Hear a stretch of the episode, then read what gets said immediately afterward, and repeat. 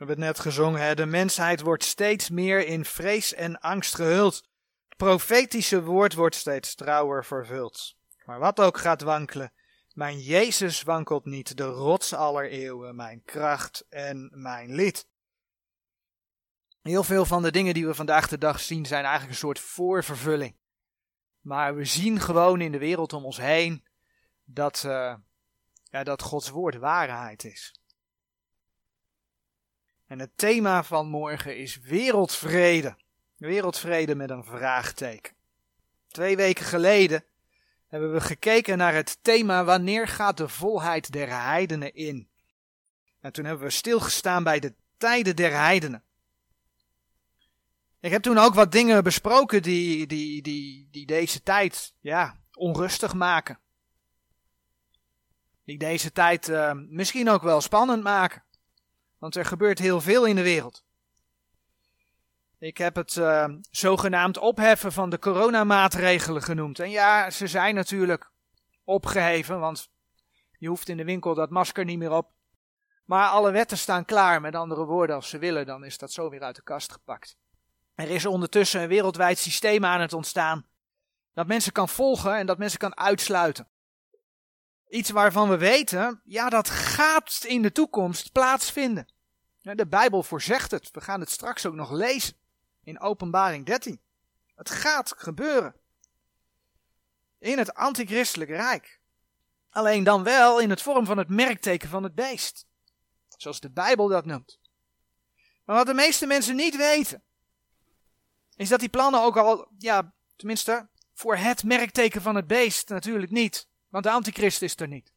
Maar de plannen voor dat systeem, wat ja, mensen kan uitsluiten, die zijn echt al heel ver. Het is zelfs zo dat per 1 juli dit jaar men een Europees digitaal idee gaat invoeren. En aan het Europese uh, digitale idee, waar hier een schemaatje van staat, daar wil men echt letterlijk alles aan koppelen. Van je bankzaken tot je reizen die je maakt, tot de telecommunicatie, ja, eh, internettoegang, winkelen, noem het maar op, gezondheid. Alles wil men daaraan koppelen. En uh, even tussen twee, uh, twee haakjes.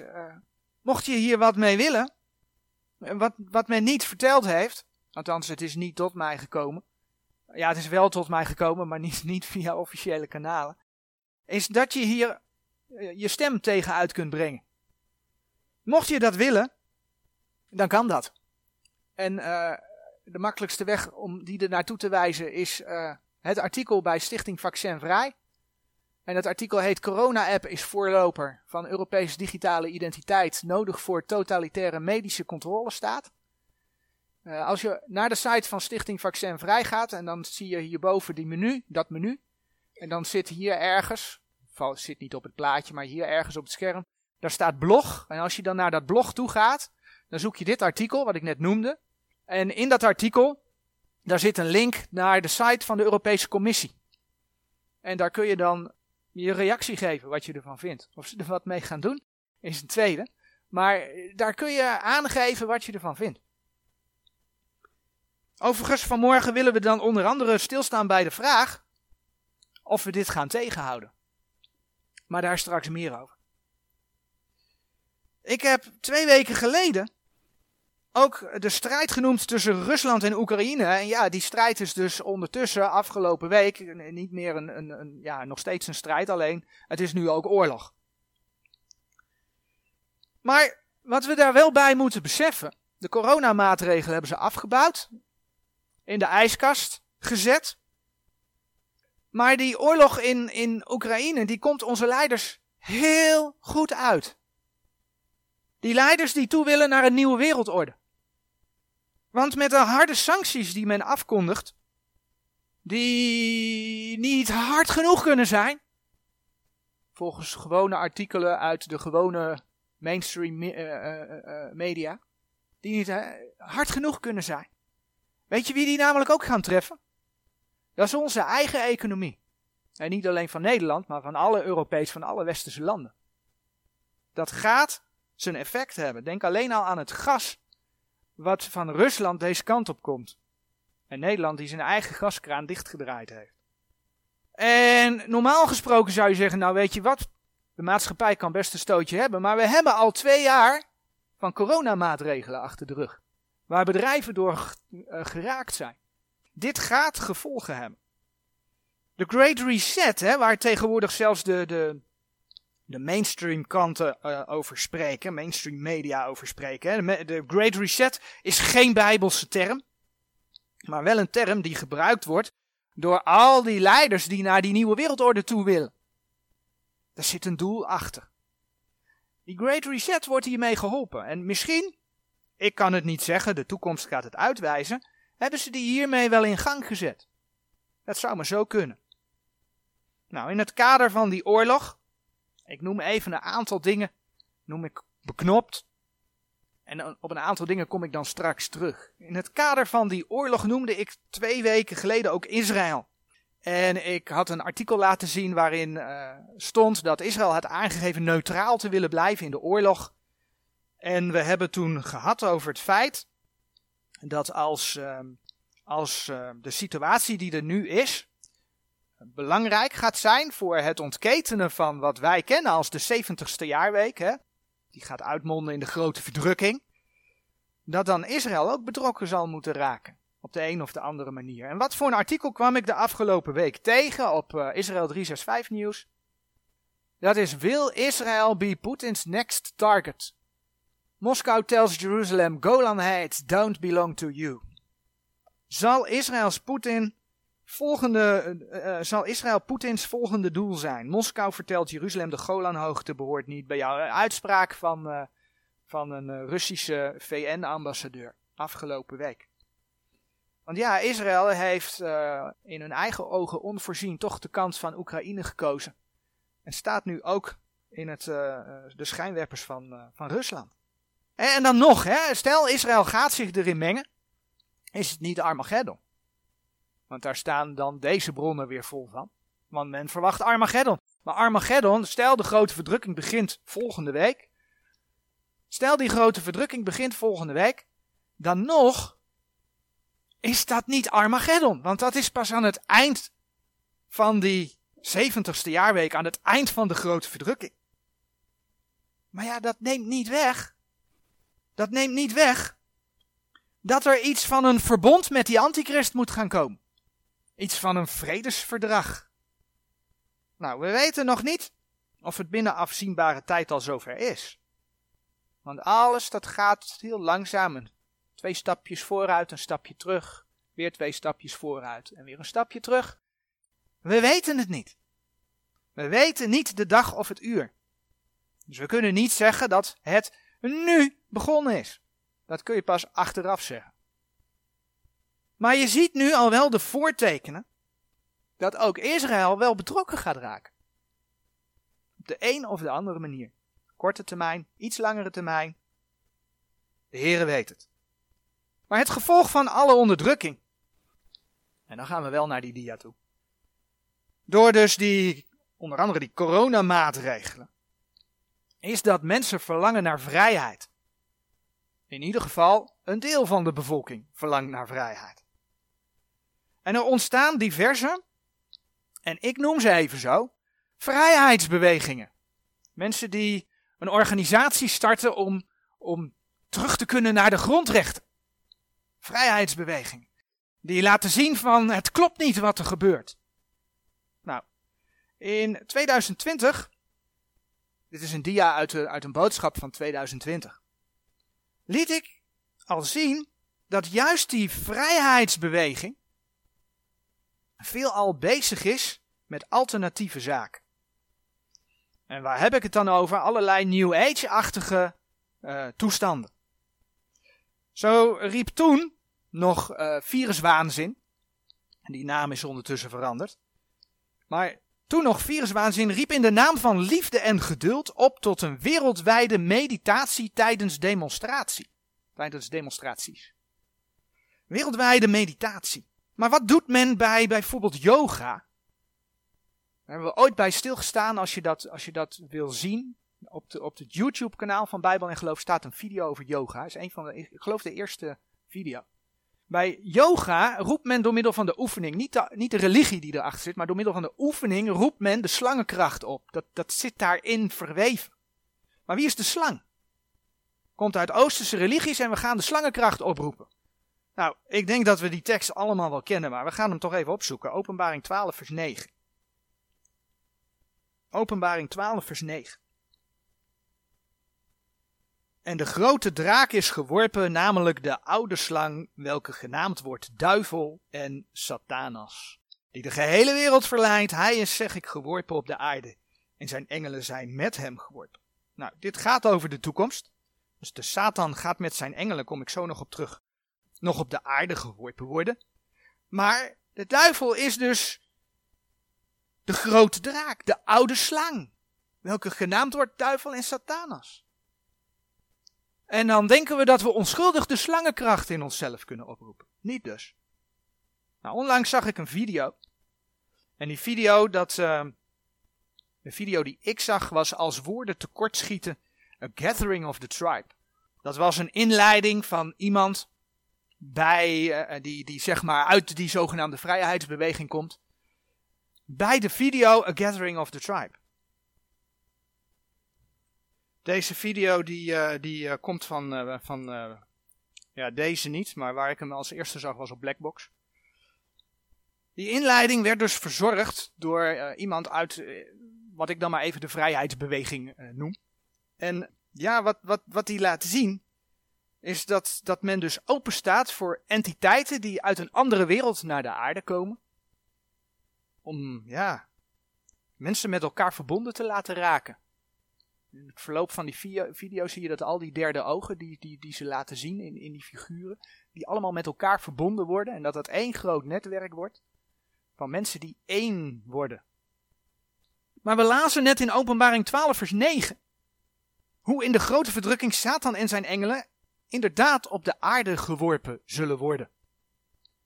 Die vrijheidsbeweging is net als de Great Reset beweging, dan komt hij het, lijken tegenpolen te zijn.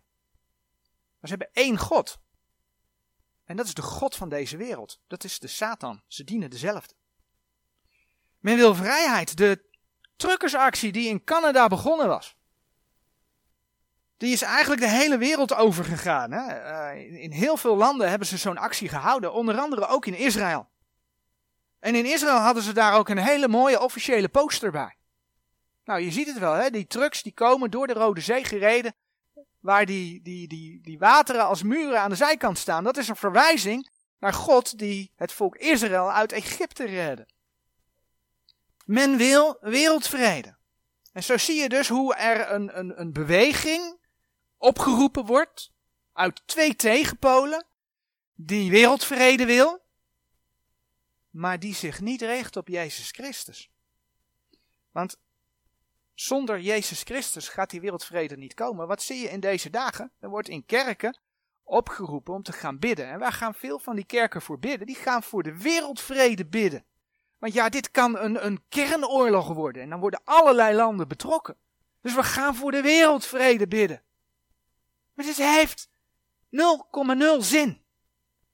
Want er komt geen wereldvrede zonder dat Jezus Christus. Sorry, Jezus Christus gaat geen wereldvrede geven. Hè? Er komt geen vrede op aarde zonder dat Jezus Christus is teruggekomen. Ik denk dat dat beter uitgedrukt is. De Heer Jezus, die wordt de vredevorst genoemd. We gaan naar Jezaja.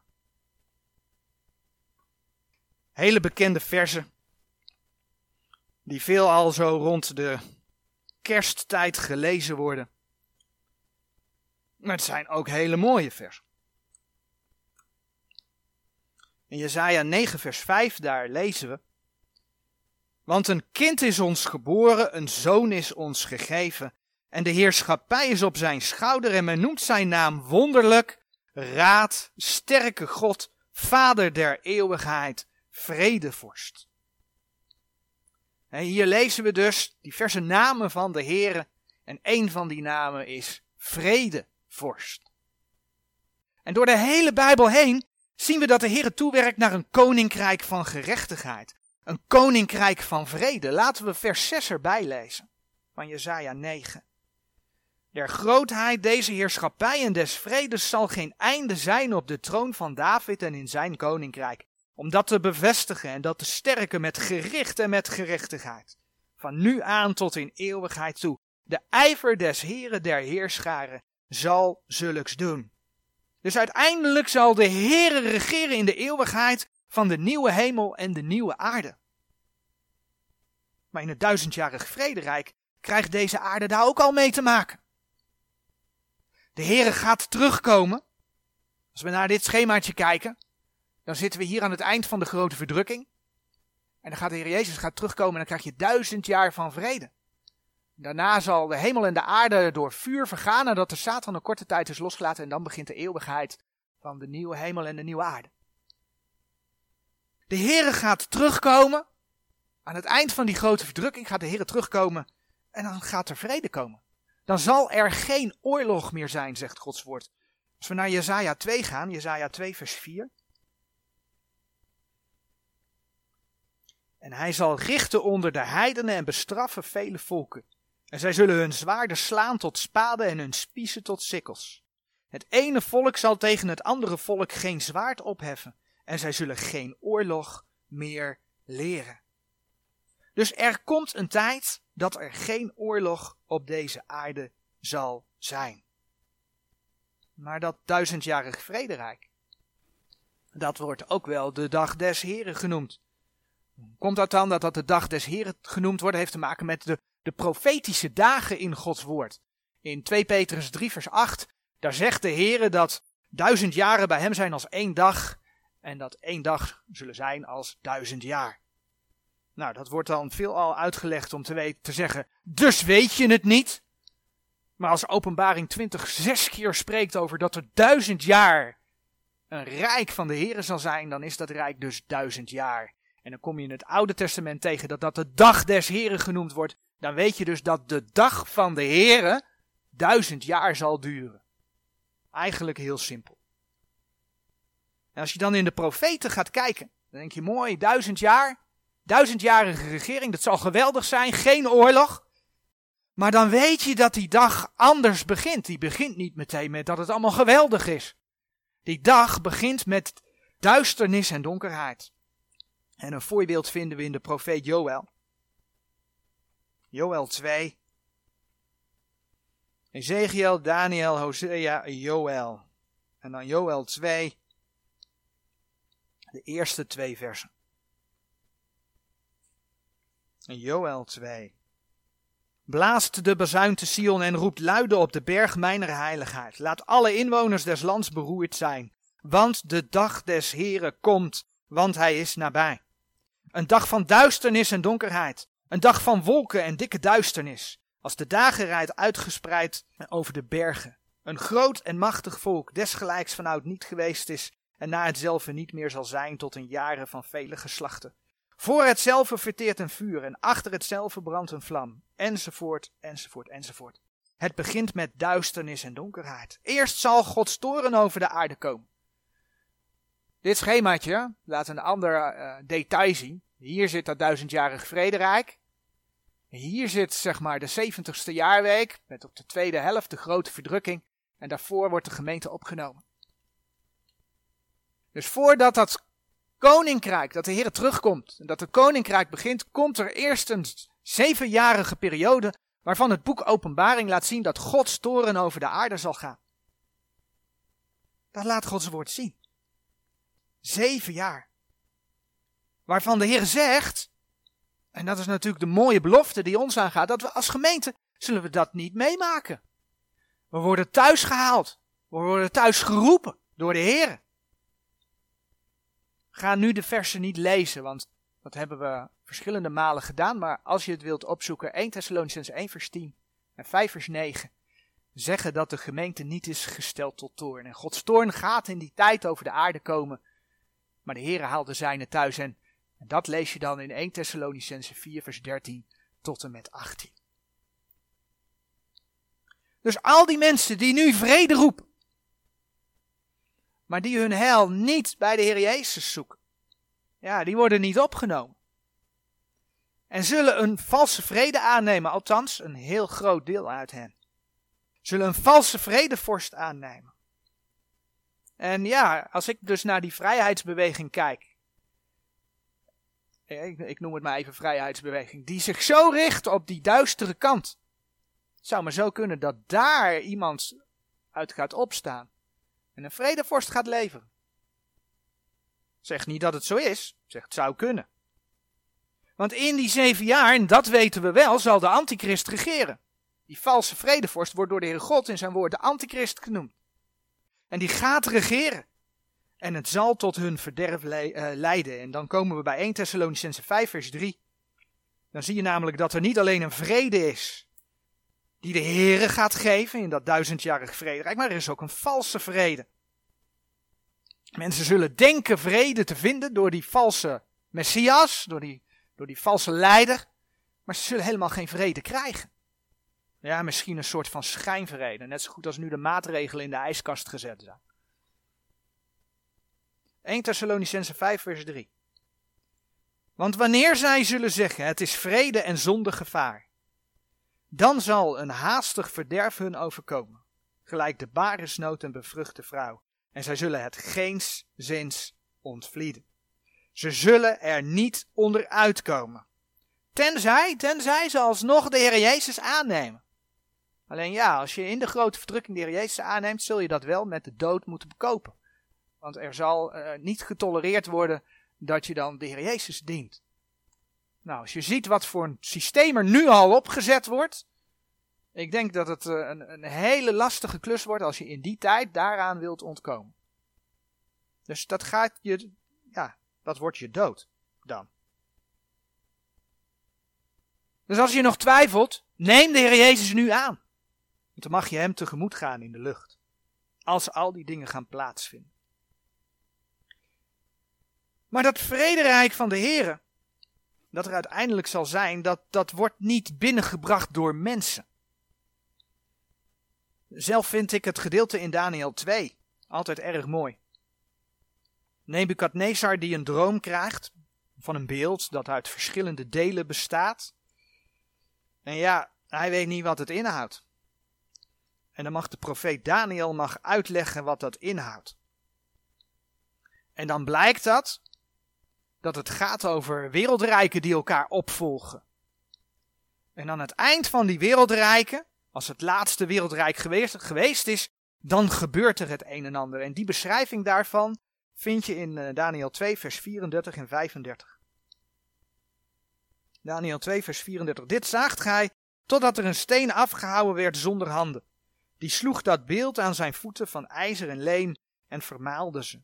Toen werden tezamen vermalen het ijzer, leem, koper, zilver en goud, en zij werden gelijk kaf van de dorsvloeren des zomers. En de wind nam ze weg, en er werd geen plaats voor dezelfde gevonden.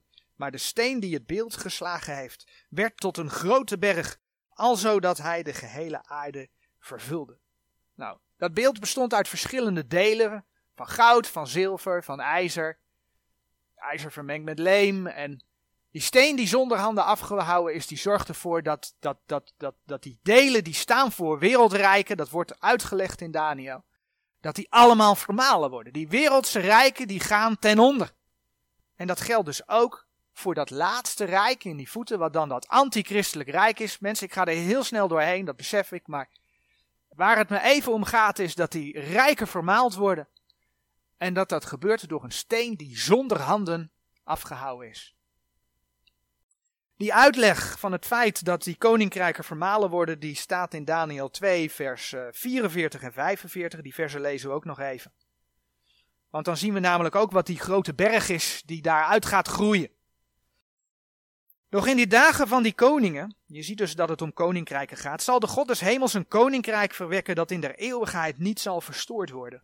En dat koninkrijk zal aan geen ander volk overgelaten worden. Het zal al die koninkrijken vermalen en teniet doen. Maar zelf zal het in alle eeuwigheid bestaan. Daarom hebt gij gezien dat uit de bergen steen zonder handen afgehouden is geworden. Die het ijzer, koper, leem, zilver en goud vermaalde. De grote God heeft de koning bekendgemaakt wat hierna geschieden zal. De droom nu is gewis en zijn uitlegging is zeker. Dus, mocht je erover twijfelen, God zegt, God zegt, de droom nu is gewis, het is zeker en zijn uitlegging is ook zeker. Dus ja, die aardse koninkrijken worden vermalen en uiteindelijk komt daar dus dat koninkrijk van de Heere God, dat er in eeuwigheid zal zijn. Dat gaat er komen. Dat laatste wereldrijk van die antichrist, die vergaat dus. Hij krijgt ook maar zeven jaar van de Heer. Voor alles is er bestemde tijd. Ja, op de eeuwigheid, zeven jaar. Hij krijgt maar zeven jaar. Ik denk dat het zeven jaar heel lang is als je er middenin zit. Maar hij krijgt maar zeven jaar. En zoals gezegd, dat koninkrijk van de Heer ontstaat door een steen zonder handen afgehouden. Met andere woorden, mensenhanden komen daar niet aan te pas. Dus denk niet dat als men nu spreekt over de nieuwe wereldorde, dat dat, dat het rijk is dat de Heer beloofd heeft in zijn woord. Dat is een vals rijk wat er gaat komen. Echte vrede komt pas als Jezus Christus terugkomt. En dat is niet vreemd. Want de Heere is de vredevorst. Toen hij de eerste keer als mens op aarde kwam. Wat zeiden de engelen tegen de, tegen de herders? Dat lees je in Lucas 2 vers 14. Een hele bekende tekst, die ook veel gezongen wordt rond de kerstdagen. Lucas 2 vers 14. Ere zij God in de hoogste hemelen en vrede op aarde in de mensen welbehagen. Die vrede die de Heere gaat geven, en dan komt die, is dus gebaseerd op het feit dat wie de eer krijgt, dat is de Heere. En het is de Heere, dat lezen we ook in het vers, dat in de mensen een welbehagen geeft. Maar dan komt hij. Mensen willen het vaak zelf doen. Ook als ze christen zijn. En vandaar dat je ook vaak hoort spreken over vrede op aarde bij mensen van het welbehagen. En dat is een heel groot verschil. Dat is onder andere ontstaan naar aanleiding van de vertaling van het NBG 51. Of mensen van goede wil. Wat het woord zegt, er is niemand goed. Ook niet tot één toe. Nou, dat mensen dat graag zelf willen doen, dat blijkt ook uit het feit. Dit is een foto, eh, uit deze foto, van een gebouw in New York. Het gebouw van de Verenigde Naties.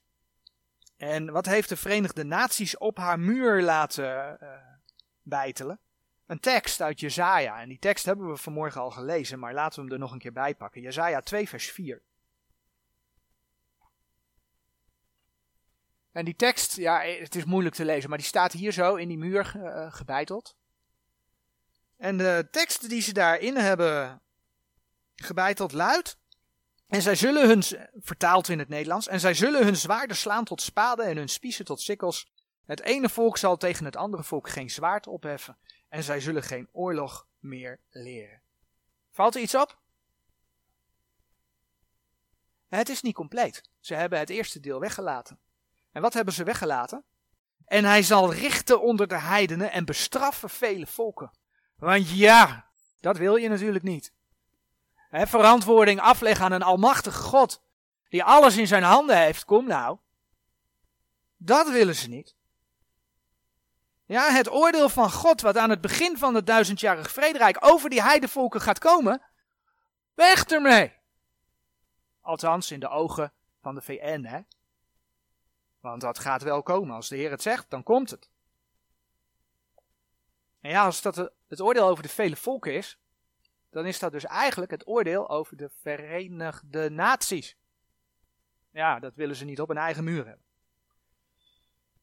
Men wil geen verantwoording afleggen. Maar waarom heeft men dat tweede deel van die tekst dan op dat gebouw geplaatst? Omdat men wil laten geloven dat de Verenigde Naties er zijn om oorlogen te voorkomen. Men wil dus de Verenigde Naties de eer geven van de wereldvrede die ontstaat.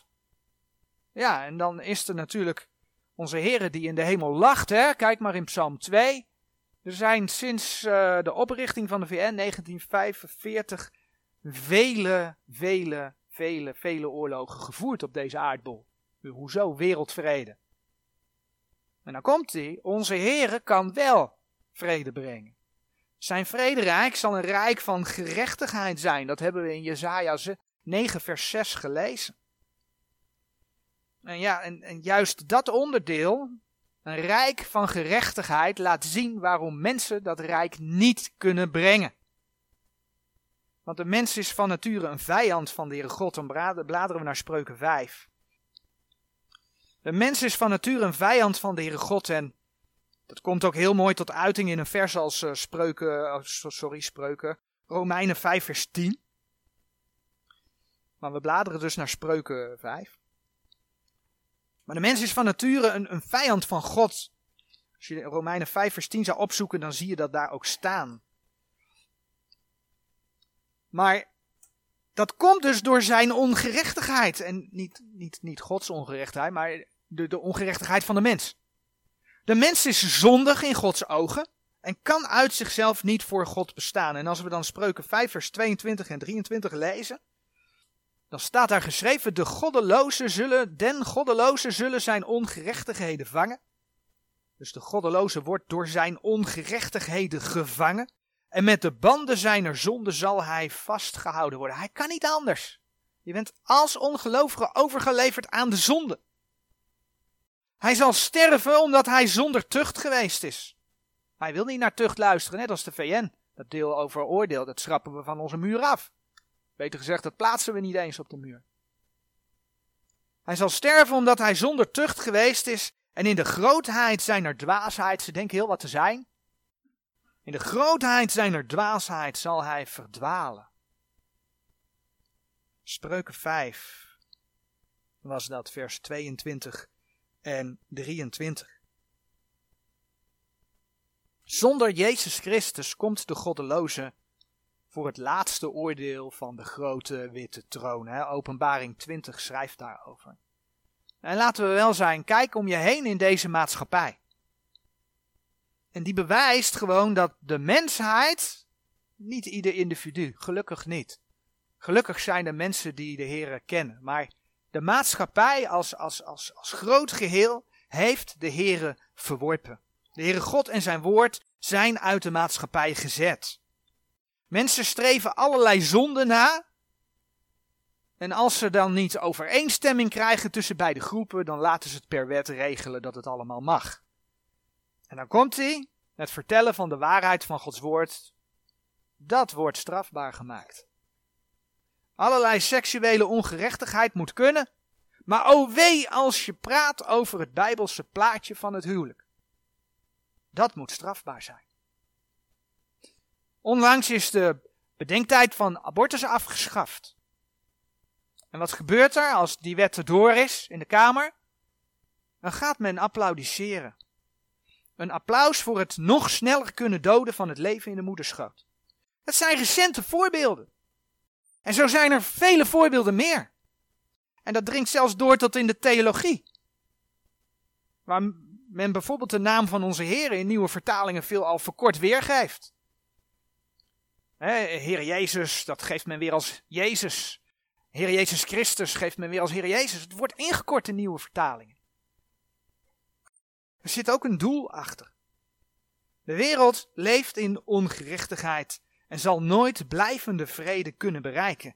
En hoe meer de wereld over vrede praat, hoe meer onvrede er komt. Nou, kijk naar de laatste jaren, waarin best wel over vrede gesproken is. Israël, die via bepaalde akkoorden eh, vrede met, met buurlanden heeft.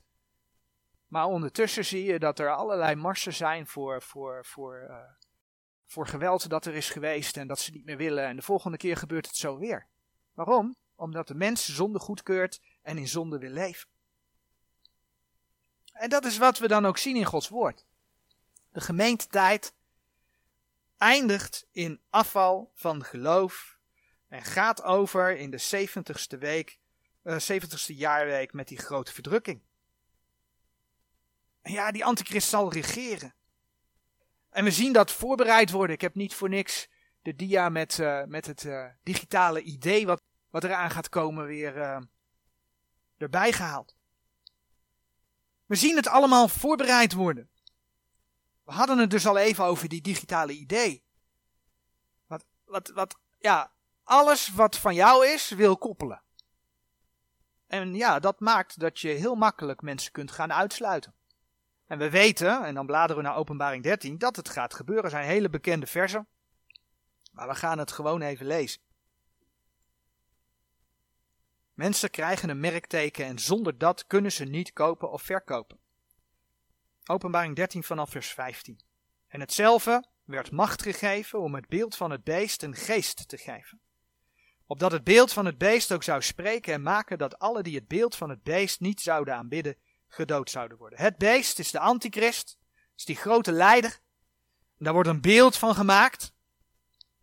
En daar lezen we dus hier over. Dat beeld moet aanbeden worden. Doe je dat niet, dan worden mensen gedood.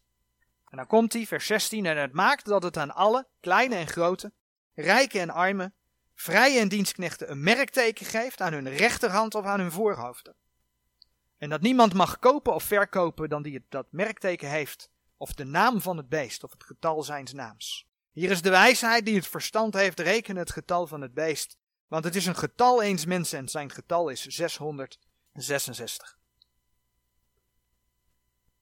Dat rijk gaat mensen uitsluiten die voor de Heer Jezus kiezen. En ja, de mensen die voor de Heer Jezus kiezen zullen gedood worden. Als je in openbaring 6 vers 9 tot en met 11 kijkt, in openbaring 7 vers 9 en 7 vers 14 tot en met 17, dan zie je dat er een grote schare tot geloof gaat komen. Want die ja, mensen die het nu wel gehoord hebben, maar denken van, zal mijn tijd wel duren. Daar zullen er een aantal, een aantal, de Bijbel spreekt over een grote schare, tot inzicht komen. Waarschijnlijk ook omdat die strijd zich steeds meer toespitst. Want het wordt een letterlijke strijd tussen, tussen de Heer en zijn vijand. Maar die zullen het met de dood moeten bekopen. Nou, als we een dergelijk systeem zo ver ontwikkeld zien, samen met de andere tekenen der tijden hè, die er ook zijn, gaan we dat dan tegenhouden? Nee. Als je in 2 Petrus 1 vers 19 kijkt, dan zie je dat het profetische woord zeer vast is. Dat woord gaat gewoon in vervulling. En ja, je kunt bezwaar maken bij de Europese Commissie via die site die ik genoemd heb. Weet je, dan heb je in elk geval je stem laten horen. Dat kun je doen. Wat nog beter is, is dat je de Heer bidt. Want daar komt het mooie, de Heer weerhoudt nog steeds. De gemeente is nog steeds aanwezig. En daarmee zeg ik niet dat dat systeem van Europa er niet gaat komen. Want misschien gaan we dat wel meemaken zelfs. Het is nog niet, zeker op dit moment niet, niet merkteken van het beest. Maar de Heer weerhoudt. Hij wil weerhouden. De 70ste jaarweek is nog niet begonnen. En laten we Psalm 140, vers 9 heb ik afgelopen week in de bidstond ook over gehad. Psalm 140, vers 9. In Psalm 140, vers 9. Daar lezen we een regel uit een gebed. Geef, heren, de begeerte des goddelozen niet. Bevorder zijn kwaad voornemen niet. Zij zouden zich verheffen. Sela. Geef, heren, de begeerte des goddelozen niet. Bevorder zijn kwaad voornemen niet. Zij zouden zich verheffen. Nou, ze zijn zich aan het verheffen. En toch mogen wij dit bidden. En de Heer is bij machten om het tegen te houden. We hebben onlangs bijvoorbeeld gesproken over vasten. Nou, dit is een reden om te vasten. En je extra te wijden aan gebed om de Heer te vragen de goddelozen hun begeerte hierin vooralsnog niet te geven. Maar, dan komt die gewetensvraag. Dan moet je jezelf wel de vraag stellen. Waarom bid ik dat? Waarom ga ik bidden, heren? Wilt u de goddelozen hun begeerte niet geven? Ben ik bang voor wat er komen gaat, omdat Europa mij straks gaat uitsluiten? Of bid ik dat? 2 Petrus 3 vers 9. Want dan bid ik namelijk met het doel van de Heer, met Gods woord als achtergrond. Bid ik dat zodat er nog mensen bereikt kunnen worden met het evangelie. Dat is Gods wil.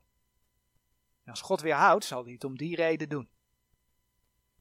Je kunt in Jacobus 4 vers 3 kijken, daar lees je namelijk dat als je je gebed in je eigen willusten wilt doorvoeren, dat God het gebed niet hoort. En natuurlijk, hè, als je hier moeite mee hebt dat dit op je pad komt, dat dit best lastig kan zijn, mag je zeker weten de Heer bidden. Maar erken de Heer dan dat je daar misschien bang voor bent. En ga niet zeggen, Heer, weerhoud, alstublieft. Nee, dan zeg je, Heer, ik ben er bang voor. Geef mij kracht en sterkte om aan te kunnen wat er op mijn pad komt. Dan ben je oprecht bezig. En dan vervolgens kun je kijken, ja Heer, en als het uw wil is, kunt u ook weer houden. Want uw woord zegt dat u nog niet teruggekomen bent, omdat u wilt dat er nog meer mensen met het evangelie in aanraking komen. 2 Petrus 3 vers 9, de Heer vertraagt de belofte niet gelijk enige dat traagheid achten, maar is langmoedig over ons, niet willende, hij is geduldig over ons, niet willende dat enige verloren gaan, maar dat zij alle tot bekering komen. 2 Petrus 3 vers 9. Dus mocht er iemand luisteren die nog niet zeker weet of hij of zij bij de Heer komt, neem de Heer Jezus als je persoonlijke verlosser aan. En dat is niet zo moeilijk, want het gaat niet om, om sacramenten doen, het gaat niet om goede werken doen in eerste instantie, het gaat niet om voor behoud helemaal niet overigens. Als je Romeinen 10, vers 9 en 10 opzoekt, dan lees je dat het erom gaat dat je gelooft dat Jezus Christus voor je zonde gestorven is en opgestaan is en dat je dat beleidt. Beleid het de Heer. Dan ben je behouden, dan ben je zijn kind. Dat digitale idee, dat gaat er vast komen. Zo niet in juli, dan wel wat later. Met allerlei, stel dat er heel veel uh, kritiek op komt, ondanks dat ze het verborgen proberen te houden, maar stel dat er toch kritiek op komt. Met allerlei zorgvuldige waarborgen, omkleed, gaat het er zeker komen. Want die plannen hebben ze, die gaan ze doorvoeren.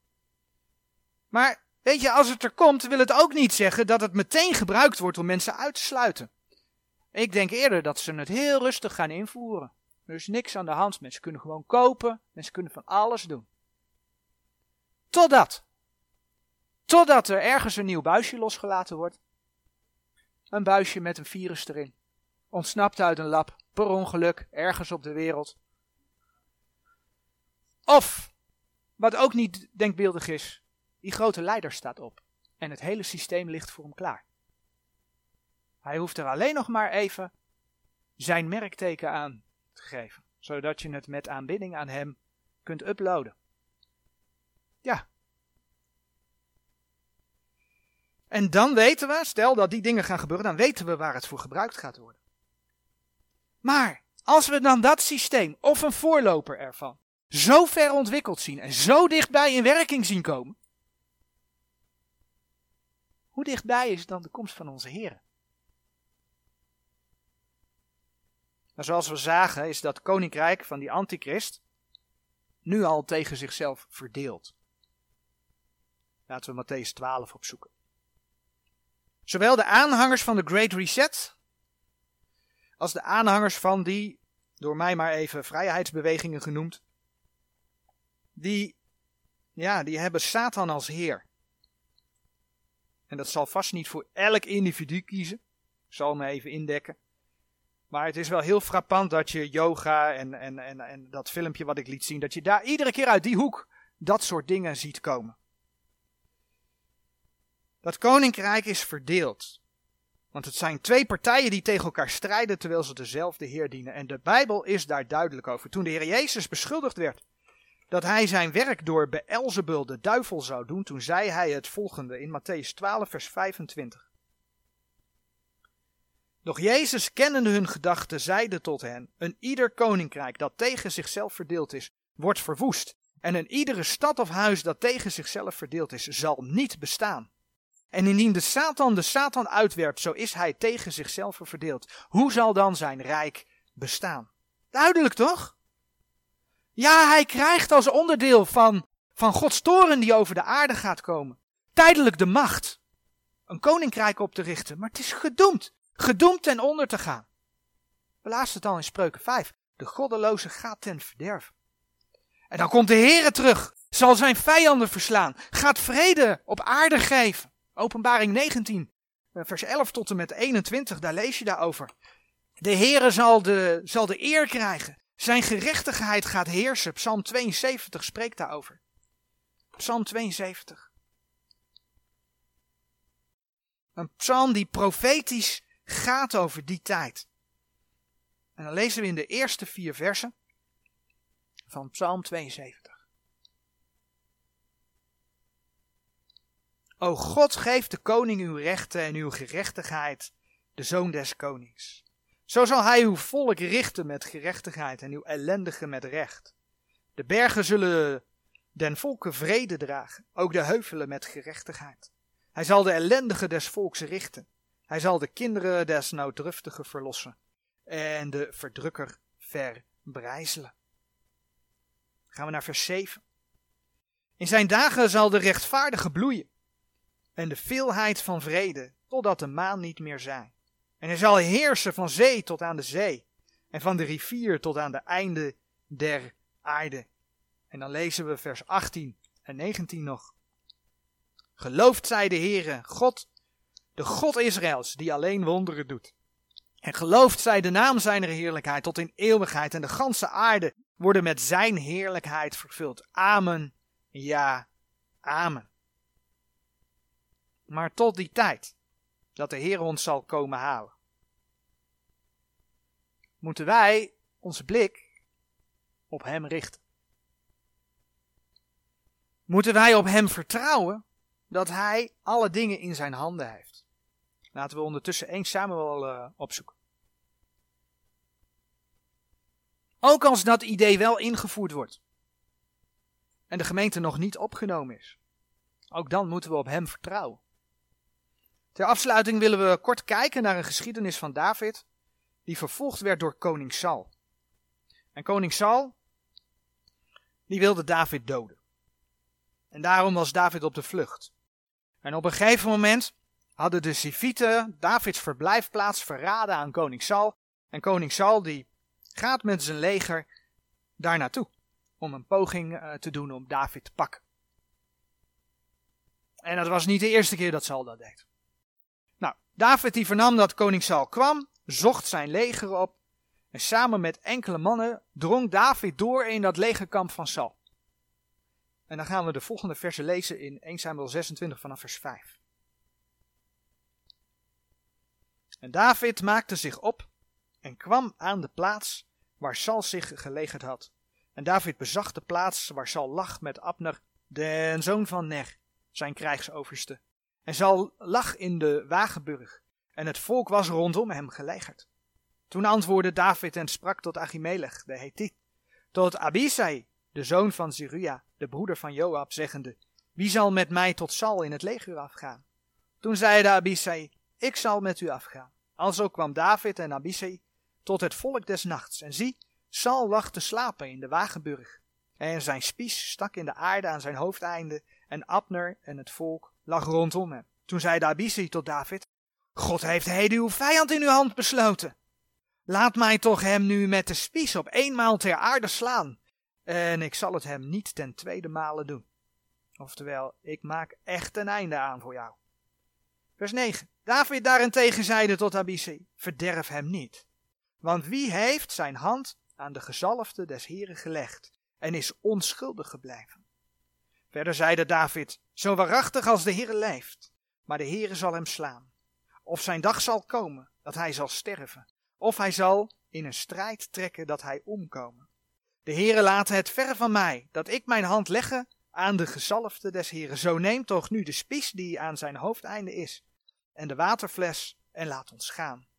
Zo nam David de spies en de waterfles van Sals hoofdeinde, en zij gingen heen. En er was niemand die het zag, en niemand die het merkte, ook niemand die ontwaakte, want zij sliepen alle, want er was een diepe slaap des Heren op hen gevallen. En dan vers 24. En zie gelijk als te deze dagen uw ziel in mijn ogen is groot geacht geweest, dat zegt David tegen Saul, alzo zij mijn ziel in de ogen des Heren, groot geacht, en hij verlosse mij uit alle nood. Nou, ondanks dat Davids mannen op hem aandrongen om met zijn vijand af te rekenen, koos David ervoor om koning, da om, om, koning Saul, hè, die door de Heren aangesteld was, om hem niet te doden. Hij nam alleen Sauls waterfles en zijn spies mee. En we hebben gezien hoe de Heere hem en Abishai beschermde hè, in vers 12. Er was een diepe slaap des Heren op hen gevallen. De Heere zorgde voor ze. In de tussenliggende versen ontstaat er dan een gesprek tussen David en Saul. En in dat gesprek blijkt hoe groot Davids vertrouwen in de Heer was. Eigenlijk hebben we dat net in vers 10 ook al gelezen. Verder zeide David, zo waarachtig als de Heere leeft, maar de Heere zal hem slaan. Of zijn dag zal komen dat hij zal sterven. Of hij zal in de strijd trekken dat hij omkomen. David vertrouwde erop dat de Heere, ja, zeg maar, zijn ding zou doen. En in vers 24 hebben we dus gelezen dat David zei: Zie gelijk als de deze dagen uw ziel in mijn ogen is groot geacht geweest. Alzo zij mijn ziel in de ogen des Heren groot geacht. En hij verlosse mij uit alle nood. David zocht zijn kracht bij de Heren. En weet je hoe hij dat deed? Dat lezen we niet in deze context. Dat deed hij door gebed. Dat blijkt uit Psalm 54. Psalm 54 is een psalm die David geschreven heeft, een gebed wat hij geschreven heeft naar aanleiding van deze situatie. En dat lees je in, eh, in de eerste twee versen van Psalm 54. En dan lezen we in vers 3 tot en met 5 hoe David bidt om verlossing in die situatie. O God, verlos mij door uw naam en doe mij recht door uw macht. O God, hoor mijn gebed, neig de oren tot de redenen mijns monds. Want vreemden staan tegen mij op en tirannen zoeken mijn ziel. Zij stellen God niet voor hun ogen. Nou, of de Heere daadwerkelijk spaart voor onheil, ja, dat is afhankelijk van zijn wil. Hè? Als wij dingen doen, dan uh, moeten we eigenlijk bij alles zeggen, zo de Heere wil. Jacobus 4 vers 15 zegt, zo de Heere wil en wij leven. Dat geldt in alle dingen. Als je in Handelingen 12 kijkt, dan zie je dat daar Petrus gevangen wordt door koning Herodes. In, wordt in de gevangenis gestopt. De gemeente bidt en wat gebeurt er? Petrus wordt bevrijd uit de gevangenis. Dat kun je onder andere lezen in Handelingen 12, vers 3 en 11. Maar in datzelfde hoofdstuk staat dat ook de apostel Jacobus opgepakt werd. Dat lees je in Handelingen 12, vers 1 en 2. En de apostel Jacobus is een heel ander lot beschoren. Die werd met het zwaard gedood. Hetzelfde hoofdstuk. De vraag in deze dingen is: vertrouw je dat de Heere alle dingen in zijn handen heeft? Wil je voor hem staan? Ook, daar komt hij, als de hele wereld tegen is. Laten we afsluiten met uh, versen uit Habakkuk. Een van de kleine profeten. Habakkuk 3, vers 17 tot en met 19 historisch gericht op de tijd van Habakkuk, wat Habakkuk meemaakte, vlak voor de ballingschap van Juda. Profetisch gezien gericht aan de Joden in de grote verdrukking. Maar geestelijk gezien kunnen ook wij daar iets van leren. Laten we die verse lezen. Alhoewel, vlak voor de ballingschap, hè, Jeruzalem werd verwoest en het volk werd uit het land gehaald dan kun je vers 17 plaatsen. Alhoewel de vijgenboom niet bloeien zal, en geen vrucht aan de wijnstok zijn zal, dat het werk des olijfbooms liegen zal, en de velden geen spijzen voortbrengen, dat men de kudde uit de kooi afscheuren zal, en dat er geen rund in de stallingen wezen zal. Zo zal ik nochtans in de Heere van vreugde opspringen. Ik zal mij verheugen in de God mijns heils. De Heere, Heere is mijn sterkte. En hij zal mijn voeten maken als der hinde. En hij zal mij doen treden op mijn hoogte. Maranatha. Amen. Ja, kom, Heer Jezus. Amen.